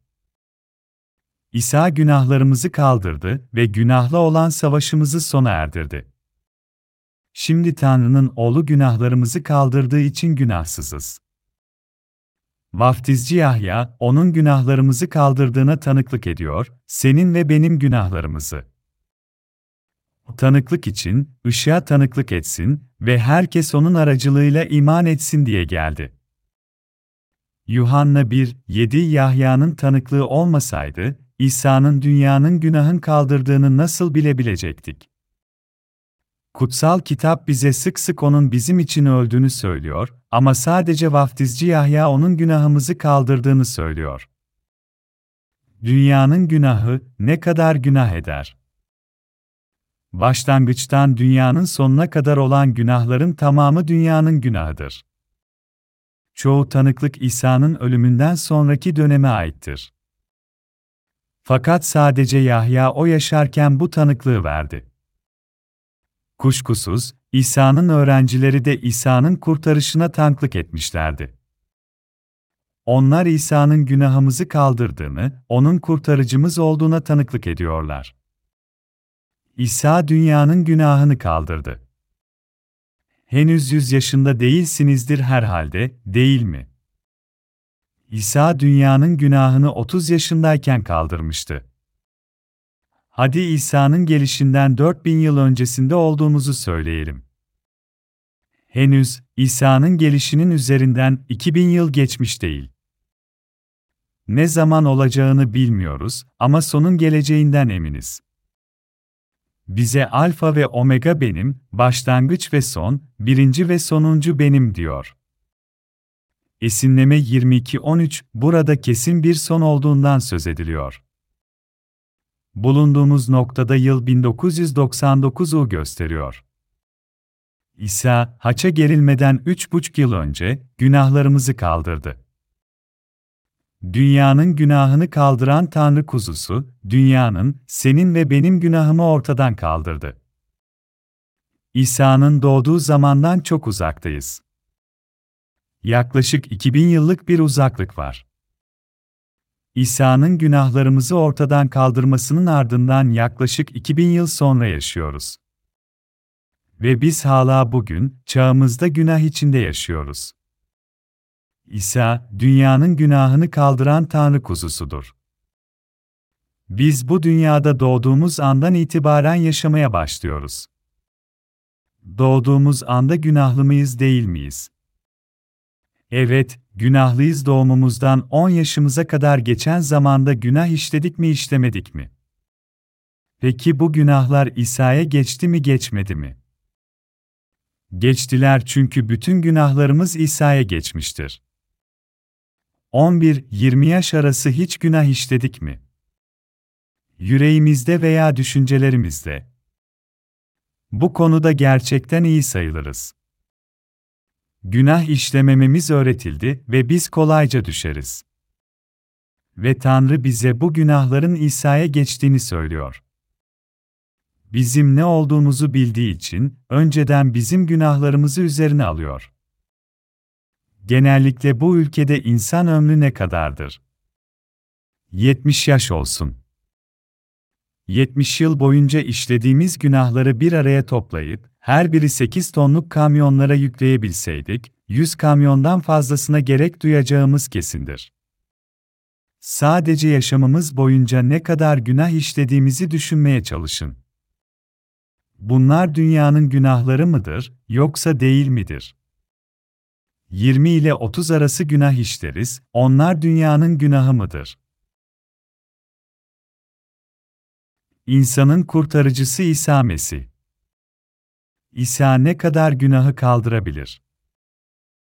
Atalarımızın, bizim ve torunlarımızın dünyanın sonuna kadar olan bütün günahlarını. İsa bize bütün bu günahları yıkadığını söylüyor. Tanrı onu, tüm insanlığın temsilcisi olarak seçilen Yahya'ya gönderdiğinde beni vaftiz et cümlesini kendisi için söyleyemezdi. Onun adı harika, öğütçü, kudretli Tanrı olacaktı. Kendisi, bilgelikte, öğütte, Tanrı'nın oğlu, beden alarak insanlığın temsilcisine gönderildi ve dünyanın günahını üzerine aldı. Bu harika bir kurtarış değil mi? Gerçekten harika, öyle değil mi? Yalnızca bir defa vaftizci Yahya tarafından vaftiz edilerek yeryüzündeki bütün insanların günahlarını yıkadı ve çarmıha gerilerek herkesi günahtan kurtardı. O, hepimizi kurtardı. Bunun bir düşünün, bütün günahlarınızı, 20'den 30'a, 30'dan 40'a, 40'tan 60'a, 70'e 100'e ve sonra bütün çocuklarınızın günahları. Tüm günahlarınızı temizledi mi temizlemedi mi? Evet, temizledi. İsa Mesih, o insanlığın kurtarıcısı. Vaftizci Yahya bütün günahlarımızı onun üzerine geçirdiği için ve Tanrı böyle olmasını planladığı için İsa'ya inanarak kurtulabiliriz. Siz ve ben günahkar mıyız? Günahlarımızın tamamı İsa'ya geçti mi, geçmedi mi? Artık günahlı değiliz, günahlarımız İsa'ya geçti. Kim bu dünyada günah olduğunu söylemeye cesaret edebilir? İsa bu dünyanın bütün günahını kaldırdı. Bizim gelecekte de günah işleyeceğimizi biliyordu ve onları da üzerine aldı. Bazılarımız 50 yaşında, bazıları henüz bizim yarı yaşımız kadar bile yaşamadı. Yine de ben dahil olmak üzere hepimiz sanki sonsuza dek yaşayacakmışız gibi davranıyoruz. Aramızda çok çalkantılı bir hayat yaşayanlarımız da oldu. Size açıklamama izin verin, Mayıs böceğinin yarı ömrü ne kadardır biliyor musunuz? Yaklaşık 12 saat. Ah Tanrım, bana sineklikle saldıran bir sürü insan gördüm. Neredeyse bunların çarpmasıyla ölecektim, biliyorsunuz. Sadece 12 saat yaşadı ve konuşmayı sürdüremedi. Fakat zaten bu ömrünün yarısıydı. Akşam 7 ya da 8 sularından yaşamının alacakaranlığı çöker ve kısa bir süre sonra ölür. Bazıları 20 saat yaşamayı başarır, bazıları 21 ve bazıları da 24 saat yaşayarak yaşamlarının olgun çağında gözlerini kapar. Onlar uzun yaşamlarında geçirdikleri deneyimlerden söz etselerdi bu bize nasıl görünürdü? Bizler 70 ya da 80 yıl yaşarken, beni güldürme diye karşılık verebiliriz. Onların yaşam deneyimi bizim gözümüzde bir hiçtir. Tanrı sonsuzdur. Sonsuzlukta yaşar. Başlangıca ve sona o karar verir. Daima canlı olarak, sonsuz zaman çerçevesinde yaşar. bize kendi sonsuzluğundan bakar. Uzun zaman önce dünyanın günahını haç üzerinde kaldırdı ve tamamlandı dedi. Üç gün sonra dirildi ve göğe çıktı. Şimdi sonsuzlukta oturuyor ve yukarıdan bize bakıyor. Ve bir adam diyor ki, Tanrım, çok günah işledim, sadece 20 yaşındayım ama günahım öyle çok ki, 30 yaşındayım ve çok günahım var. Gerçekten çok günahı işledim. Nasıl af dileyebilirim? Fakat Rabbimiz, kendi sonsuzluğunda bize, beni güldürme, ben sadece senin şimdiki günahlarını değil, sen doğmadan önce yaşamış olan atalarının ve sen öldükten sonra doğacak olan torunlarının da günahını kaldırdım. diyor. Bunun size sonsuz zaman çerçevesinden söylüyor. Buna inanıyor musunuz? İnanın, Size bedava verilen bu kurtuluş armağanını alın ve göklerin egemenliğine girin. Bizim düşündüklerimize değil, fakat Tanrı'nın sözüne inanın. Doğru olanın yerine gelmesi için böyle yapmamız uygundur.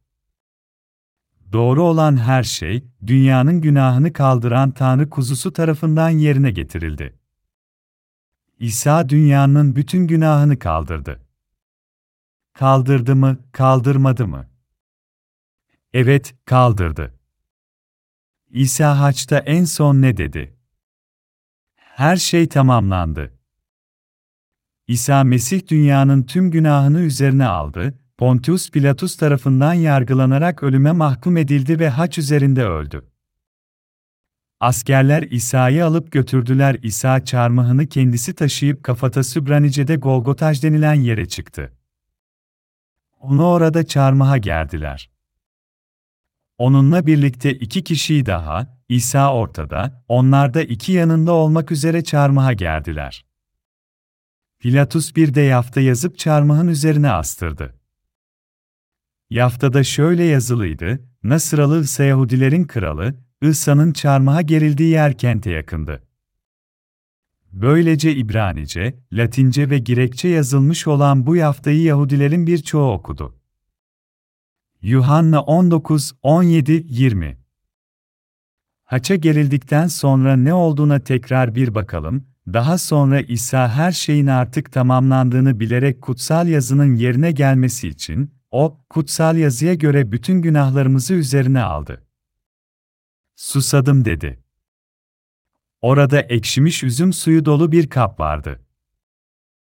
Üzüm suyuna batırılmış bir süngeri zufa dalına takarak onun ağzına uzattılar.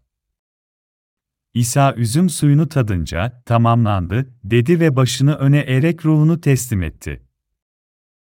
Yuhanna 19, 28, 30 üzüm suyunu tadınca, tamamlandı, dedi ve başını öne eğerek ruhunu teslim etti. Öldü. Ve İsa Mesih üç gün sonra dirildi ve göğe çıktı. Şimdi de İbranilere mektup 10, 1, 9'u okuyalım. Gelecekteki iyi şeylerin kutsal yasada asıl örneği yoktur, sadece gölgesi vardır. Bu nedenle yasa, her yıl sürekli olarak sundukları aynı kurbanlarla Tanrı'ya yaklaşanları asla yetkinliğe erdiremez. Eğer erdirebilseydi, kurban sunmaya son verilmez miydi? Çünkü tapınanlar bir kez günahlarından temiz kılındıktan sonra kendilerinde artık günah bilinci kalmazdı. Ama o kurbanlar insanlara yıldan yıla günahlarını anımsatıyor. Çünkü boğaların ve keçilerin kanı günahları ortadan kaldıramaz. Bunun için Mesih dünyaya gelirken diyor ki, kurban ve sunu istemedim.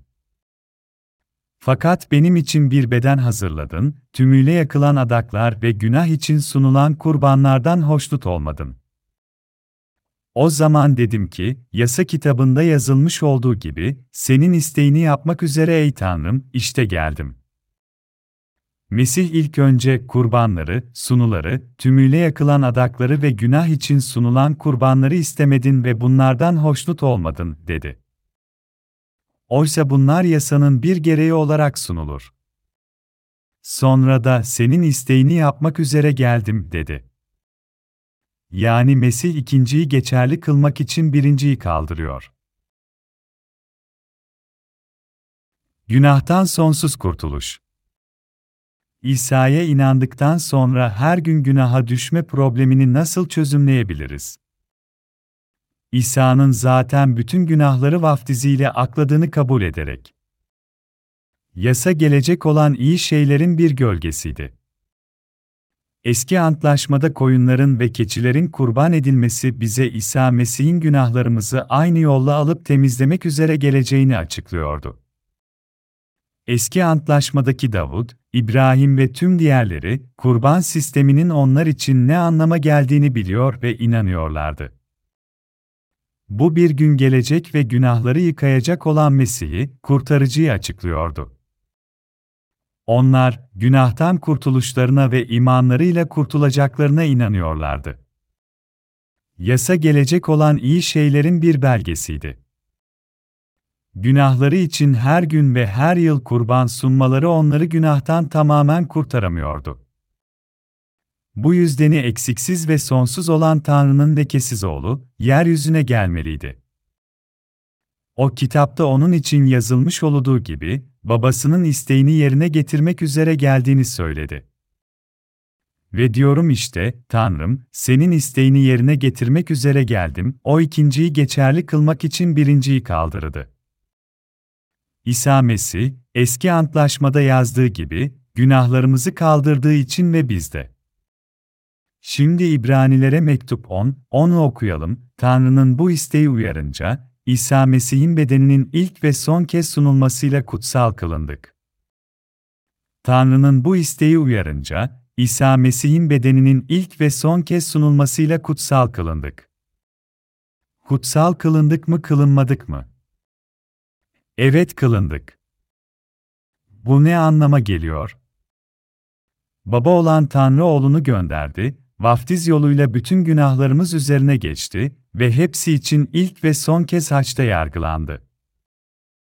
Böylece günah yüzünden acı çeken hepimizi kurtaradı. Bu Tanrı'nın isteğiydi. Biz kurtarmak için İsa ilk ve son kez kendini kurban etti, böylece biz kutsal kılındık. Bizim günahlarımız için kendini kurban etti ve yargılanmamız için haçta bizim yerimize öldü. Eski antlaşmada her gün yeni kurban sunulurdu çünkü her yeni günahın yıkanması için yeni bir kurban sunulması gerekiyordu. Yuhanna 13'te İsa'nın Petrus'un ayakkabını yıkadığını anlatan bir olay anlatılır. İsa Petrus'un ayaklarını Petrus, on ileride günah işleyebileceğini göstermek ve kendisinin bu günahları zaten affettiğini öğretmek için yıkadı. İsa Petrus'un ileride günah işleyeceğini biliyordu, leğene su döktü ve ayaklarını yıkadı. Petrus, reddetmek istedi fakat İsa dedi ki, şimdi yaptığım şeyi anlamıyorsun, fakat sonra anlayacaksın. Bu ne demektir? Bundan sonra tekrar günaha düşeceksin, senin günahlarını yıkadıktan sonra beni inkar edecek ve tekrar günah işleyeceksin. Yaya alınmamdan sonra yine günaha düşeceksin.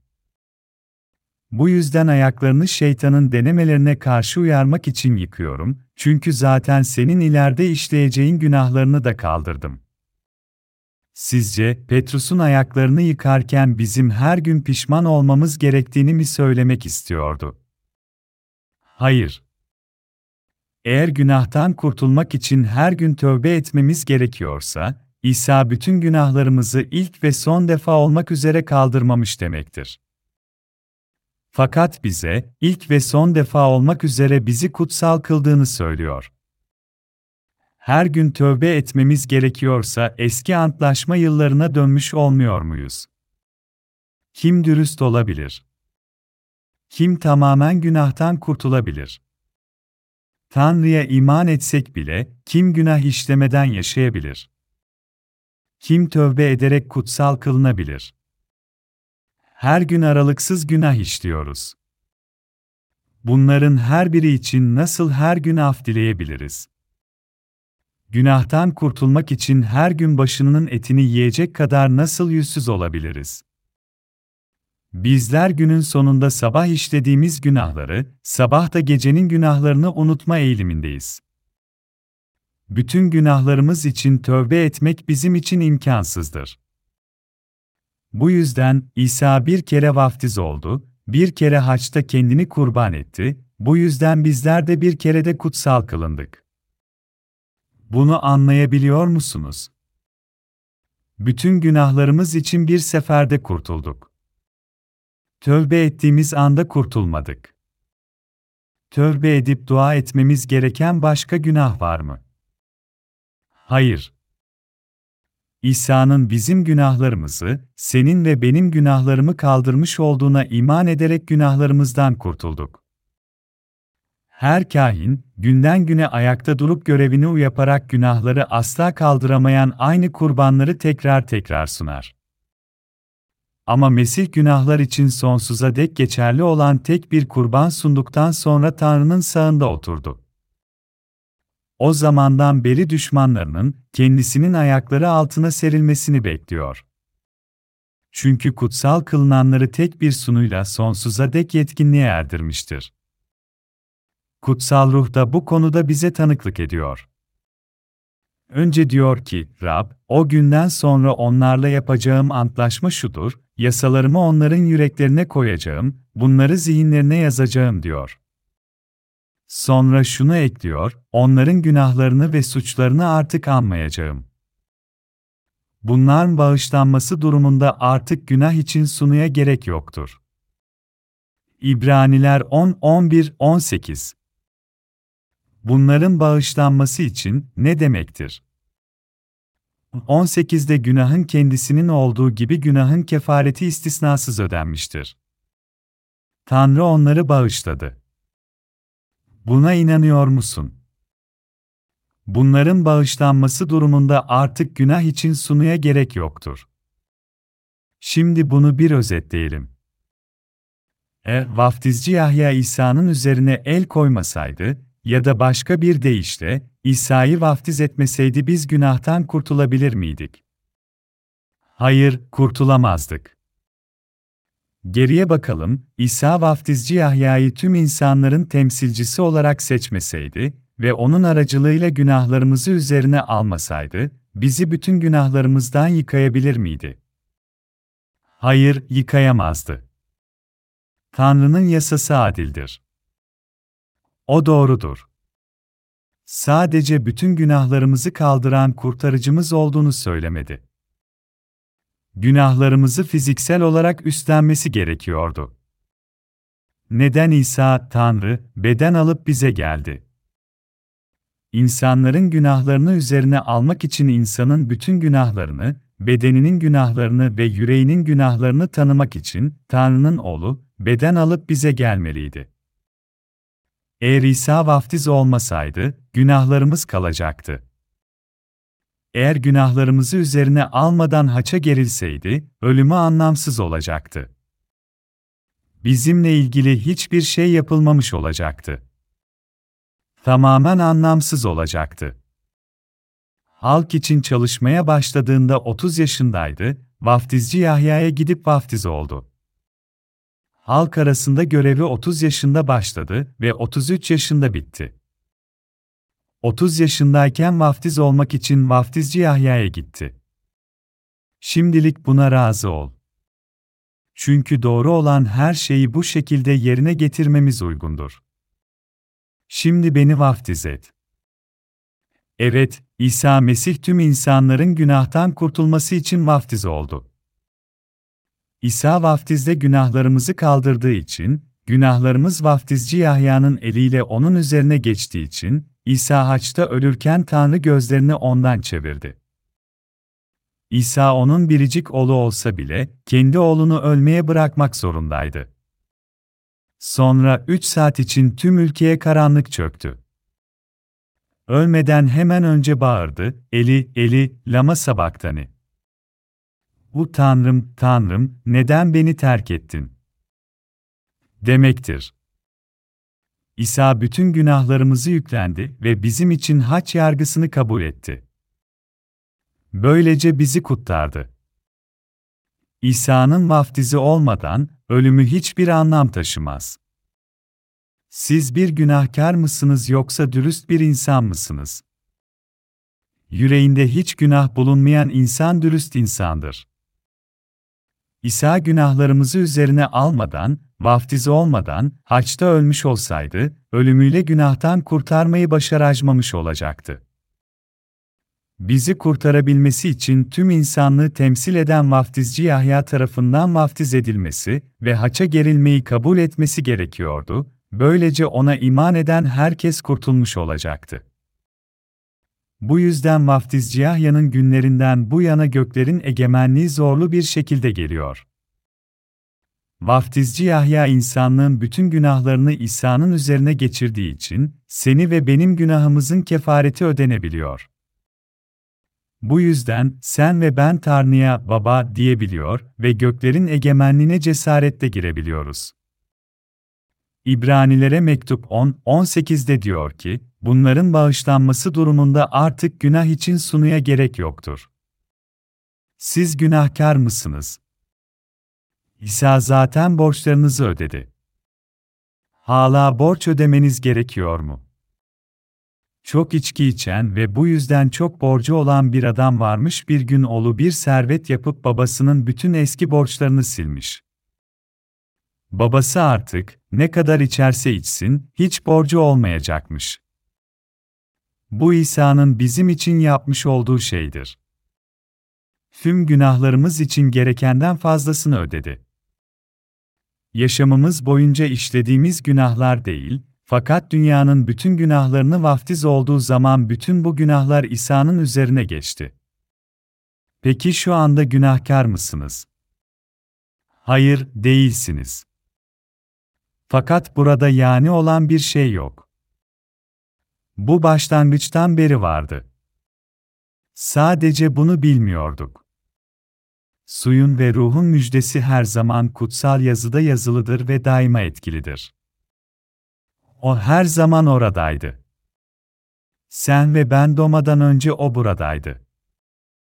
O dünyanın yaratılışından önce oradaydı. Günahtan kurtulmanın müjdesi. Tanrı'nın önünde ne yapmamız gerek? Günahtan sonsuz kurtuluşun müjdesine inanmalıyız. Bizim için bütün günahlarımızı yıkayan İsa Mesih bunu sen ve ben doğmadan önce yaptı. Bütün günahları kaldırdı. Hala günahlı mısınız? Hayır. Peki yarın işleyeceğiniz günahlar ne olacak? Bunlar da dünyanın bütün günahlarının içindedir. Şimdi yarının günahlarını bir kenara koyalım, şimdiye kadar işlediğimiz günahların tamamı dünyanın günahları içinde, değil mi? Bunlar İsa'nın üzerine geçtiler mi? Evet, geçtiler. Peki yarının günahları da onun üzerine geçti mi? Evet, o istisnasız hepsini üzerine aldı. Geride bir tek günah bile bırakmadı. Müjde bize bütün yüreğimizde İsa'nın bütün günahlarımızı ilk ve son defa olmak üzere kaldırdığını ve hepsini bir defada ödediğini söylüyor. Tanrı'nın oğlunun, İsa Mesih'in müjdesinin başlangıcı. Göklerin müjdesi, sevinçli bir haberdir. Bize soruyor, senin bütün günahlarını kaldırdım. Ben senin kurtarıcınım. Bana inanıyor musun? Sayılamayacak kadar insan arasından birkaç cılız ses, evet, sana inanıyorum, bize söylediğin şeye inanıyorum. Bunu anladığım zaman, inanmak çok kolay oldu. Diyor. Bunu söyleyenler, İbrahim'in doğruluğuna sahiptirler. Fakat diğerleri şöyle söyler, buna inanamam. Bu söylenenler çok yeni ve tuhaf şeyler. Sonar o soruyor, söyle bana, senin senin tüm günahlarını kaldırdın mı kaldırmadın mı? Bana senin, sadece benim orijinal günahımı kaldırdığını, günlük günahlarımı kaldırmadığını öğretildi. Dediğin gibi iman ettiğine göre acınacak durumda olduğunu görüyorum. Bu benim sana söylediğim bir şey olmadığı için cehenneme gitmen gerekecek onun günahtan tamamen kurtardığına inanmak yoluyla kurtuluyoruz. Hala günahı olduğunu söylemekte ısrar edenlerin cehenneme gitmesi gerekir. Bu onların kendi seçimidir. Kurtuluşun müjdesi vaftizci Yahya'nın tanıklığıyla başlar. Çünkü İsa vaftizci Yahya tarafından vaftiz edilerek dünyanın bütün günahını üzerine aldı, bizler de buna inandığımız zaman kutsal kılındık. Elçi Pavlus mektuplarında Mesih İsa'nın vaftizinden uzun uzadıya bahseder. Galatyalılara mektup 3.27 diyor ki, vaftizde Mesih'le birleşenlerin hepsi Mesih giyindi. Mesih'te vaftizli olmak demek, Mesih'in içinde olmak demektir. Vaftiz olduğumuzda bütün günahlarımız vaftizci Yahya aracılığıyla, onun üzerine geçer ve günahlarımız yıkanır. Petrus 3.21 de der ki, bu olay vaftizi simgeliyor. Bedenin kirden temizlenmesi değil, Tanrı'ya yönelen iyi bir vicdanın dileği olan vaftiz, İsa Mesih'in dirilişi sayesinde şimdi de sizi kurtarıyor. Vaftizci Yahya'nın tanıklığına, İsa'nın vaftizine ve haçta akan kana inanan herkes, onlarla günahtan kurtuluşun lütfuna kavuşur. Yüreğinizde İsa'nın vaftizine, kurtuluşun ön belirtisini kabul edin ve kurtulmuş olacaksınız.